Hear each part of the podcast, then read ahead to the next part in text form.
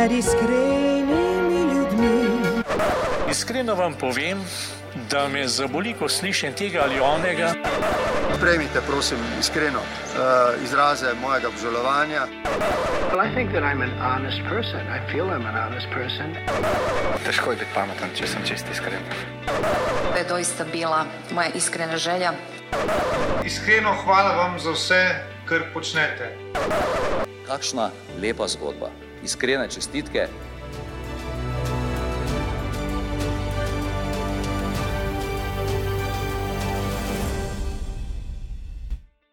Drage poslušalke in spoštovani poslušalci, prisrčno dobrodošli v novi oddaji najbolj iskrenega podcasta, podcasta, kjer ne ustvarjamo mnen, ampak skušamo spremeniti kakšno srce.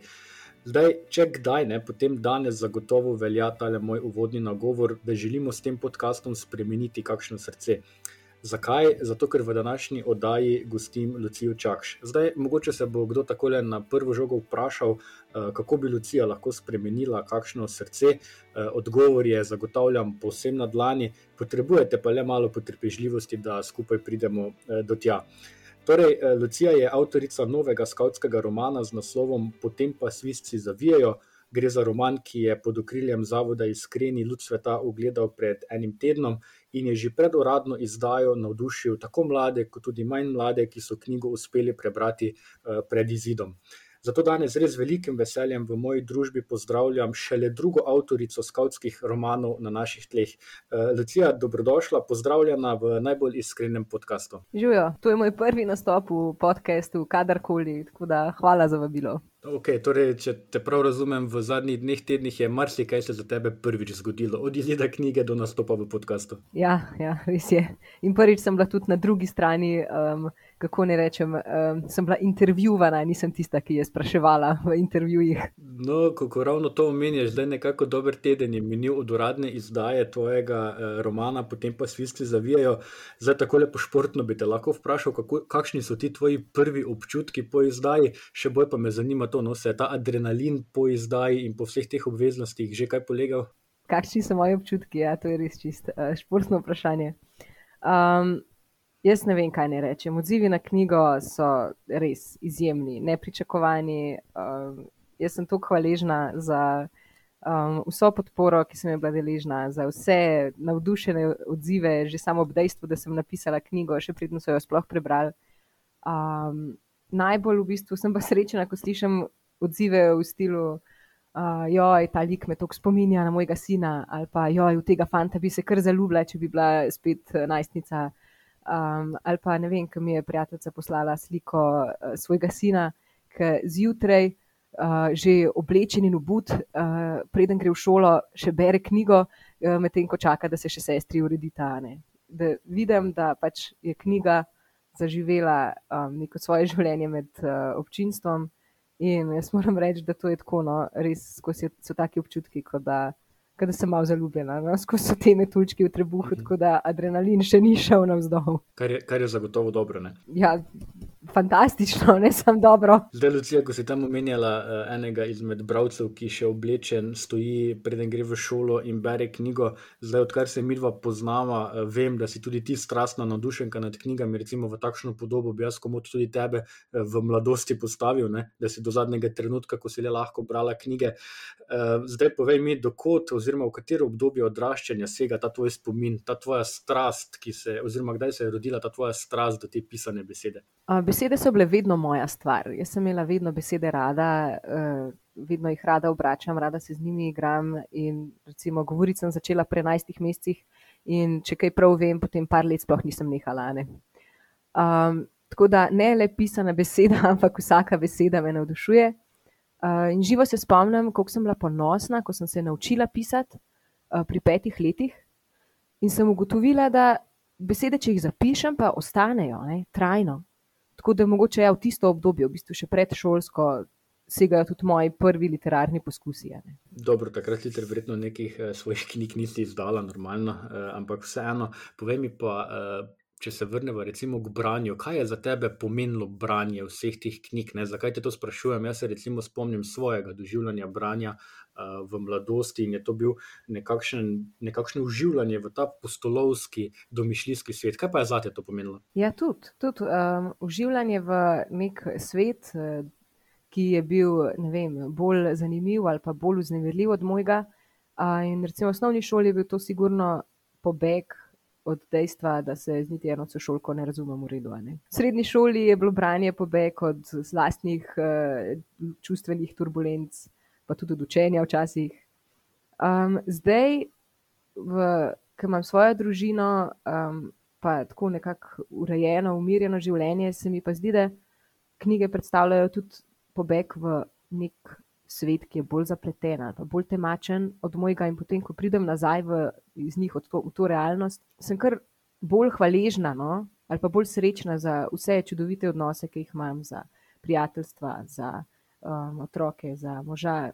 Um, potem lažje vidim, zakaj vse sem lahko v življenju hvaležna. Ja, in recimo, če sebe primerjam, oziroma ne vem, če izhajam iz sebe, Um, jaz sem bil na tisti strani, ne, ko smo požirali knjige eh, v mladosti, torej poznam občutek, ki ga doživlja strasten bralec. Zagotovo pa ne poznam občutka, ko nekdo spozna, da se želi predstaviti eh, na drugo stran, torej od bralca k ustvarjalcu oziroma piscu. Povej mi, kaj se mora recimo zgoditi, kje se zgodi tisti klik, ko nekdo reče: Ah, zdaj pa ne bom samo bralec, zdaj želim knjigo tudi napisati. Težko rečem, ker sem si vedno želela pisati. Ne. Jaz sem si vedno želela tudi pisati knjige. To je bilo vedno v meni, ampak bolj je bil ključen moment to, zakaj sem se potem končno to tudi spravila narediti. Ne. Najprej mislim, da jaz sem morala dosti dozoreti, da sem prvič imela dovolj ustrajnosti, da sem tekst sploh dokončala, a ne in po drugi strani, da sem tudi imela nekaj pametnega zapovedati, da, ker pač ni pisanje samo uh, literarno ustvarjanje, ni samo pripovedovanje zgodb, ampak je tudi sporočanje nečesa bralcem. Ne. In potem klik ne, je pa, ko dobiš pravo idejo. In za to idejo pa, pač sem res hvaležna knjižnemu uredniku Leonu, ki je uh, prišel malo, do mene z idejo o pustolovskem romanu in takrat je enostavno.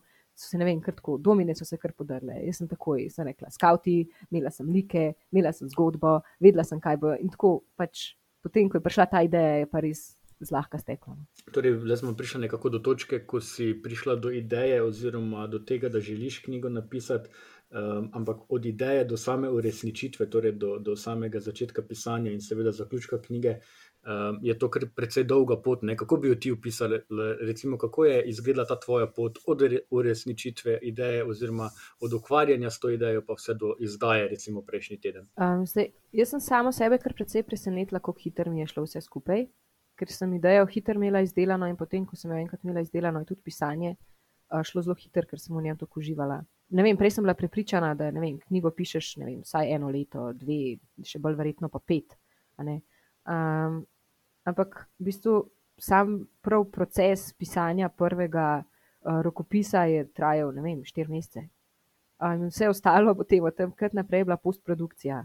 Pa ne vem, razumeti, jaz sem zelo vesela, da je bila dolga da je knjiga dobro urejena, da je tudi dobro lektorirana. Jaz sem hvaležna uh, lektorci uh, Ani Gruden, da si je tako res vzela face čas in da tudi so kakovostne ilustracije, za, sem, za katere sem zelo hvaležna Patriku Benedičiču, uh, ker se mi zdi, da je potem to, da je urejanje teksta in delanje s tekstom dolgo trajalo, da je tudi pač.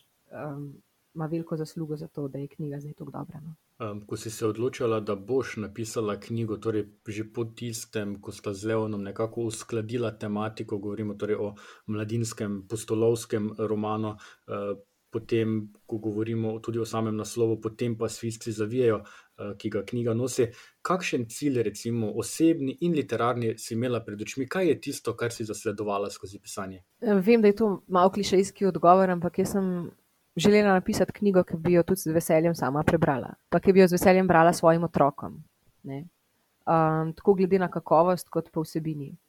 Uh, in iskreno povedano, med samim pisanjem si nekih velikih ciljev nisem zadajala, upala sem pa, da bo knjiga na koncu dejansko izšla. Ne? Čeprav tudi, če ne bi, bi rekla, da pač, vsaj med pisanjem sem uživala, čeprav ni zdaj iz tega projekta nič. Um, pa da bo na koncu komu všeč, da bo glih te odzivi, ki sem jih na začetku omenjala. Ne? Da bo nekdo rekel, da to me na nekaj spominja, um, to, uh, kaj takega sem doživel, ali pa joj, ta lik me na nekoga spominja, ali pa um, to me pa res, ne vem, nagovori. Ne? Take, da, pač, da bo knjiga med bralci zaživela. No? Da tisti, ki jo bojo prebrali, da, bojo, da jim bo všeč. In ravno zato so mi ti navdušeni odzivi tako vesoljski, ker jih res nisem pričakovala. No. Um, tematika, ki si se je v knjigi z naslovom Potem pa svisti zavijajo, lotila je skautstvo.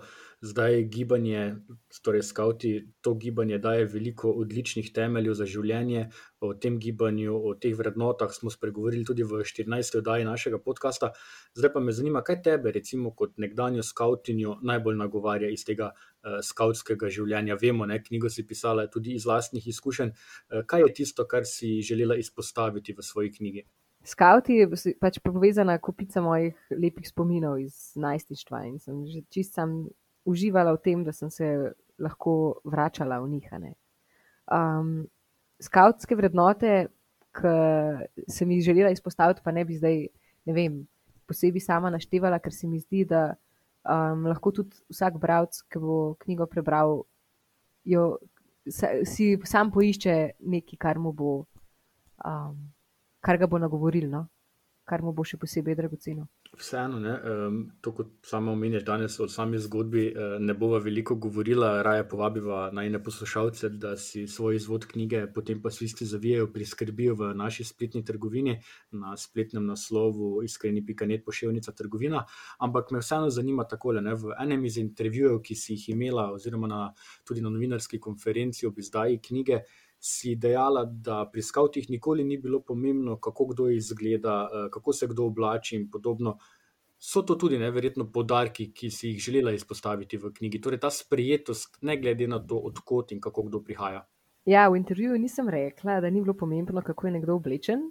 Rekla sem, da ni bilo treba biti oblečen po zadnjih modnih trendih uh, ali pa v, v, v priljubljene firme, ampak je bilo pa pomembno, da si oblečem praktično. Recimo, jaz se spomnim, da smo enkrat eni skavti, ki je na izlet prišla v belih hlačah, uh, se kar precej posmehovali, no? kar je bilo seveda nesramno, ampak nam je bilo to čist nepojemljivo, ne? da sploh pomisli na to, da v belih hlačah gre na, na pohod v gost.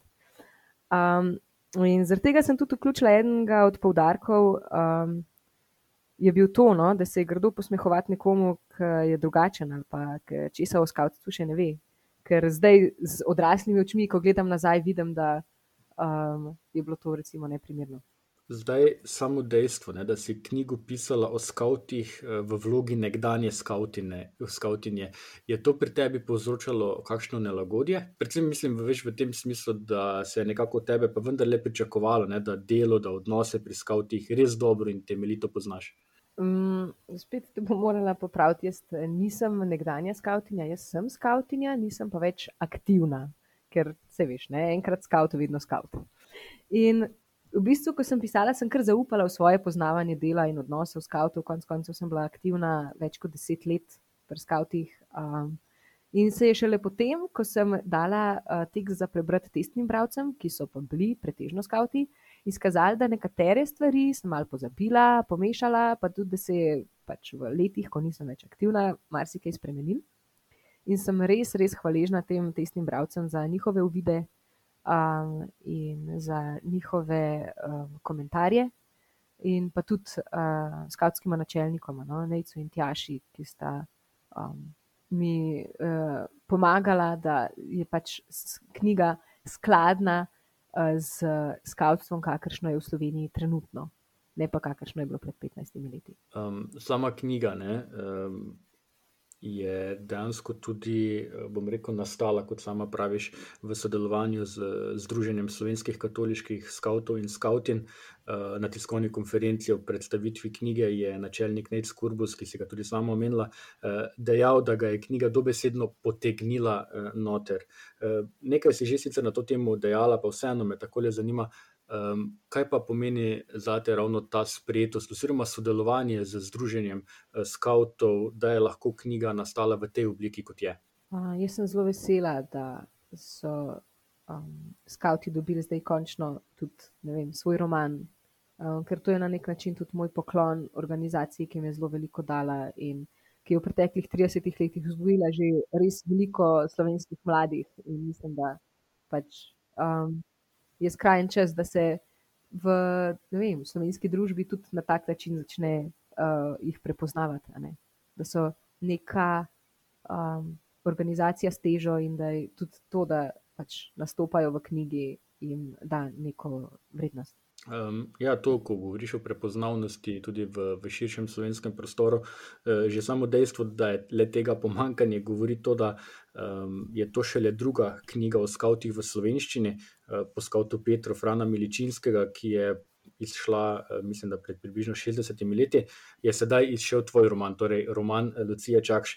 Eh, to te postavlja ob bok velikano slovenske literature. Kako pa doživljaš to? Ne bom rekel ravno primerjavo, ampak samo to dejstvo, no, da si za, za Franom Miličinskim ti prva, ki se je lotila te tematike. Počaščena sem no? in res se mi ne zdi, da me to, da sem napisala skautski roman, že kar postavlja ob bok uh, Franu Miličinskemu.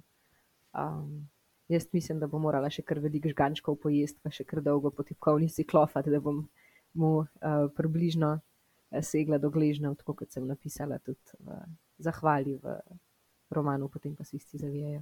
Mhm. Prej smo sicer dejali, da, da same zgodbe ne bomo izpostavljali, veliko govorila, pa vseeno no, se mi zdi prav, glede na to, da govorimo o mladinskem postolovskem romanu, potem pa sviski zavijajo. Kaj bi ti izpostavila kot vendarle ob skavtstvu, pa to rdečo nit, ki se je skušala držati v knjigi? Jaz res ne bi nobene um, ne bi izpostavljala rdeče niti. No? Jaz lahko naštejem par tem, o katerih sem skušala pisati. Um, pa upam, da da mi je uspel kaj nagovoriti, kot recimo vem, prijateljstvo, zaupanje, um, uh, humor, uh, potem um, sposobnost prositi za pomoč, uh, um, solidarnost. Um, vem, ta, um, predvsem no, sem probala ujeti to vrstniško, um, vrstniško prijateljstvo. Pa če bi recimo ti osebno, zdaj le vem, da te mogoče zdaj ujamem malo na levi nogi, pa vseeno, uh, kot uh, torej, vedno boš skautinja, ampak trenutno si neaktivna skautinja in me zanima tole. Recimo, če bi mogla izpostaviti eno prigodo, en spomin, ki ga imaš ti iz svojih uh, skautskih let, uh, kaj bi to bilo? Kaj je tisto, po čemer si boš ti najbolj zapomnila, recimo, svoje delovanje, aktivno delovanje v skautskih časih? Teh teh dogodkov je toliko, da jaz ne morem ne vem, enega izpostaviti. Uh, zelo rada recimo, sem jih uh, pripovedovala uh, svojim nečakom. Uh, Medtem, ko smo, ne vem, ko sem, v, v obdobju, ko sem snovala knjigo, uh, potem pa svisti zavijajo, sem veliko z nečaki presedela na stopnicah pred našo hišo na soncu in sem jim pripovedovala te različne uh, prigode, dogodke, ampak ne bi jih tukaj razlagala, zato ker uh, mogoče pa mi še kdaj prav pridejo v kakšni knjigi. Odlično, odlična Lucija. Uh, dobro, zdaj mislim, da o sami knjigi, o tem, kako je knjiga nastajala, smo kar nekaj spregovorila. Um, zdaj se bom mogoče malo bolj obrnil na eno drugo temo in sicer na temo, uh, kako ti, recimo, kot uh, mama, tudi seveda kot nekdanja, oziroma kot večna skautinja, neaktivna, sicer trenutno, ampak povej mi tole, zdaj dan danes, še posebej v tej epidemiji, ko smo otroke prikovali pred, tako pred računalniške, kot tudi pred vse ostale zaslone, imamo starši verjetno, oziroma zagotovo, kar veliko dela, da jih od tega odvrnemo, torej od vseh teh pametnih zaslonov. Máš mogoče ti kakšen nasvet, kako naj starši recimo odlepijo otroke, jih prepričajo v to, da bodo vzeli v roke kvalitetno knjigo in da bodo znali ceniti tudi to, da lahko nekaj preberejo tudi v tej fizični obliki? Najprej tako, da sami jemljajo knjige v roke, um, pa potem, da obiskujejo knjižnice, da knjige svojim otrokom tudi kupijo. Vem, da, da jih otroci vidijo brati, da imajo večerno rutino, kjer jim glasno berejo, da um, se o knjigah z otroci pogovarjajo, da, pač, uh, da imajo doma polno knjižno polico, iz katere lahko tudi otroci izbirajo, um, da jim poskušajo dati različne žanre, da jim dajo vem, uh, in stripe, uh, in uh, postolovske romane, in kakšne bolj uh, smešne romane in kakšne kratke zgodbe in tudi poezijo, pač da otroku ponudijo in ga usmerjajo pri tem. Jaz mislim, da ni treba, da, mu, da otroku puliš zaslone iz rok. Treba je mu pokazati alternativo in ga k njej spodbuditi. Um, in ga še spodbuditi in še spodbujati. Mislim, da slejko prej potem otrok um, sam izbere tisto, kar mu je všeč, tudi od knjig. Um, zelo mi je bilo všeč, zelo sem bila hvaležna prijateljici, ki je uh, roman Potem pa svisti zavijajo, kar naročila svojemu sinu in tudi najprej ni bil preveč navdušen, ampak ko je pa začel brati, jo je pa prebral na dušek. To je recimo tak tipičen primer kako vzgajati otroka za branje. E, odlično. Pa recimo, če se tako v mislih uh, sprehodiš nazaj v tista leta, ko si ti, mladostniška leta, seveda, ko si ti požirala te knjige. Uh, če bi jih primerjala, recimo, z današnjim časom, kakšen je tvoj občutek, kam se obračajo ti naši, bom rekel, mladostniški bralci? Je še kaj te zagretosti za branje, kot smo jih bili, recimo, naša generacija priča? Ja, jaz mislim, da sigurno je. Sigurno je, ker vedno uh, je odstotek mladih, ki sploh ne berejo, odstotek, tak, odstotek takih, ki občasno berejo, in potem vedno v vsaki generaciji najdeš zagrizene bralce, ki vedno tiščijo nos v knjigo. Tako da jaz nisem tukaj preveč pesimistična. No? Super, ne? ampak kot sama praviš, tudi na nas starših je seveda kar velik del odgovornosti, da, da tudi če otrok ni najbolj navdušen, da jih pa kar malo uh, potisnemo v to, oziroma jim za vzorom pokažemo, da je uh, branje knjige res lahko nekaj, nekaj najlepšega, kar se jim lahko zgodi na zadnje, opilo postolovščin, lahko spoznajo tudi preko te tako imenovane uh, pisane besede. Ne. Pa zdaj, ko govorim glih, da lahko spoznajo uh, en kup postolovščin, um, vem, da je to mogoče malo nehvaležno, ampak vseeno, če bi morala, recimo kot mama, kot avtorica, izbrati uh, knjižna dela oziroma žanre, kaj bi ti priporočala staršem, kam naj usmerjajo uh, svoje otroke. Je to sploh možno dati kak tak, uh, vsaj primerno, uh, oziroma vsaj približno univerzalen recept? Ne, ker otroci so si zelo različni, zelo imajo različne želje in potrebe. In jaz bi bolj rekla, da um, priporočam staršem ne to, da kje knjige ne izberejo ali pa kakšne žanre, ampak predvsem to, da naj berejo skupaj z otrokom. Naj mu glasno berejo, tudi ko otrok že zna sam brati, naj se potem o vsebini z njim pogovarjajo, naj bojo pozorni na, na stvari, ki se njim zdijo neprimerne, pa tudi na to, na kaj otroci reagirajo, na kaj se odzovejo.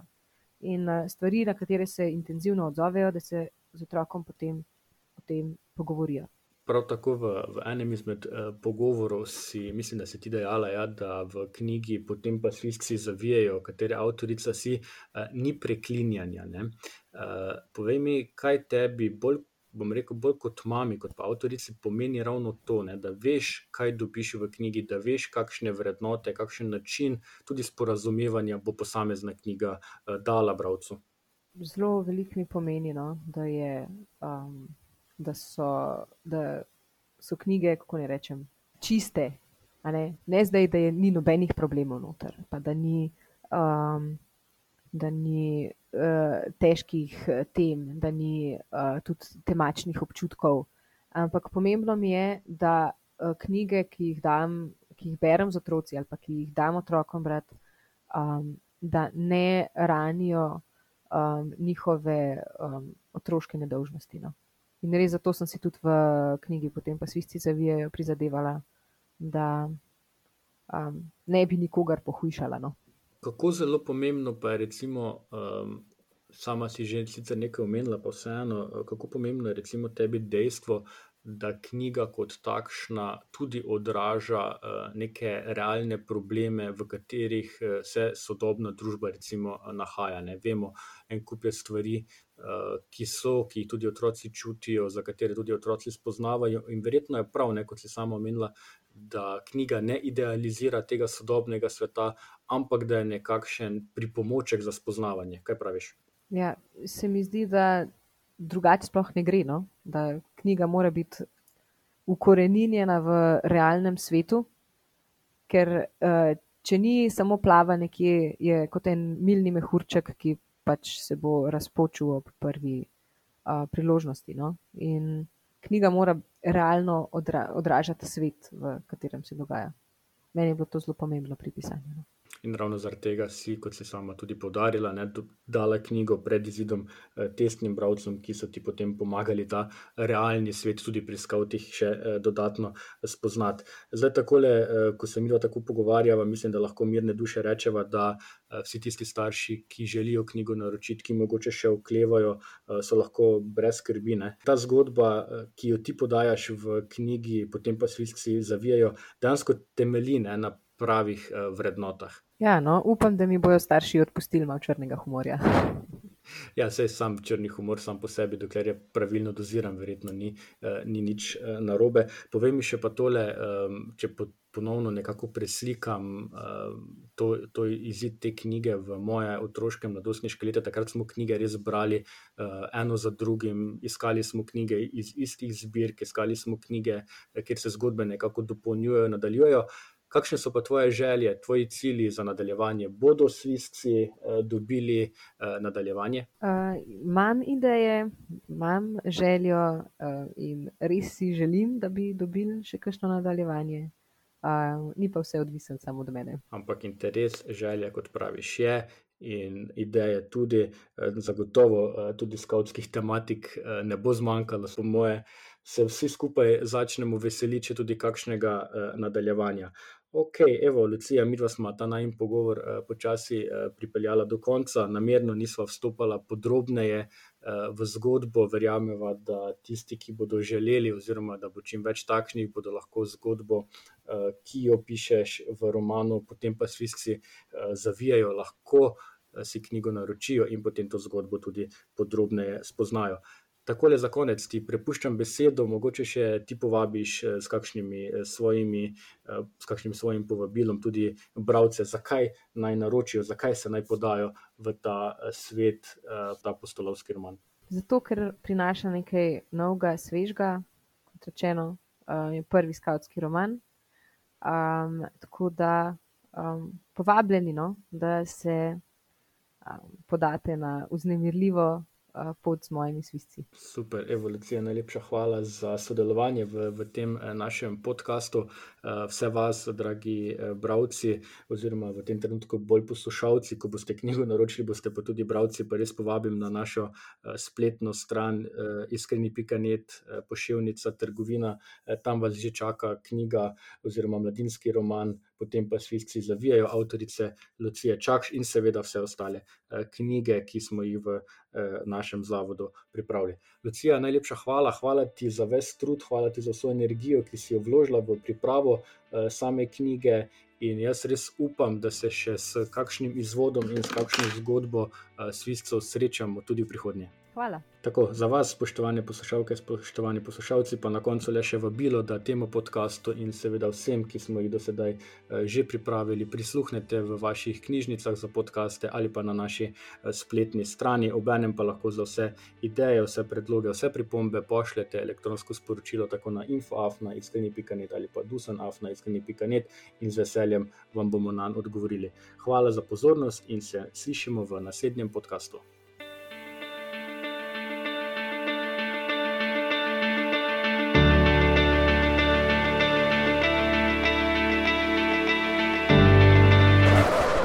Med iskrenimi ljudmi. Iskreno vam povem, da me zaboli, ko slišim tega ali onega. Prejmite, prosim, iskreno uh, izraze mojega obžalovanja. Well, I think that I'm an honest person. I feel I'm an honest person. Težko je biti pameten, če sem čist iskren. To je doista bila moja iskrena želja. Iskreno hvala vam za vse, kar počnete. Kakšna lepa zgodba iskrene čestitke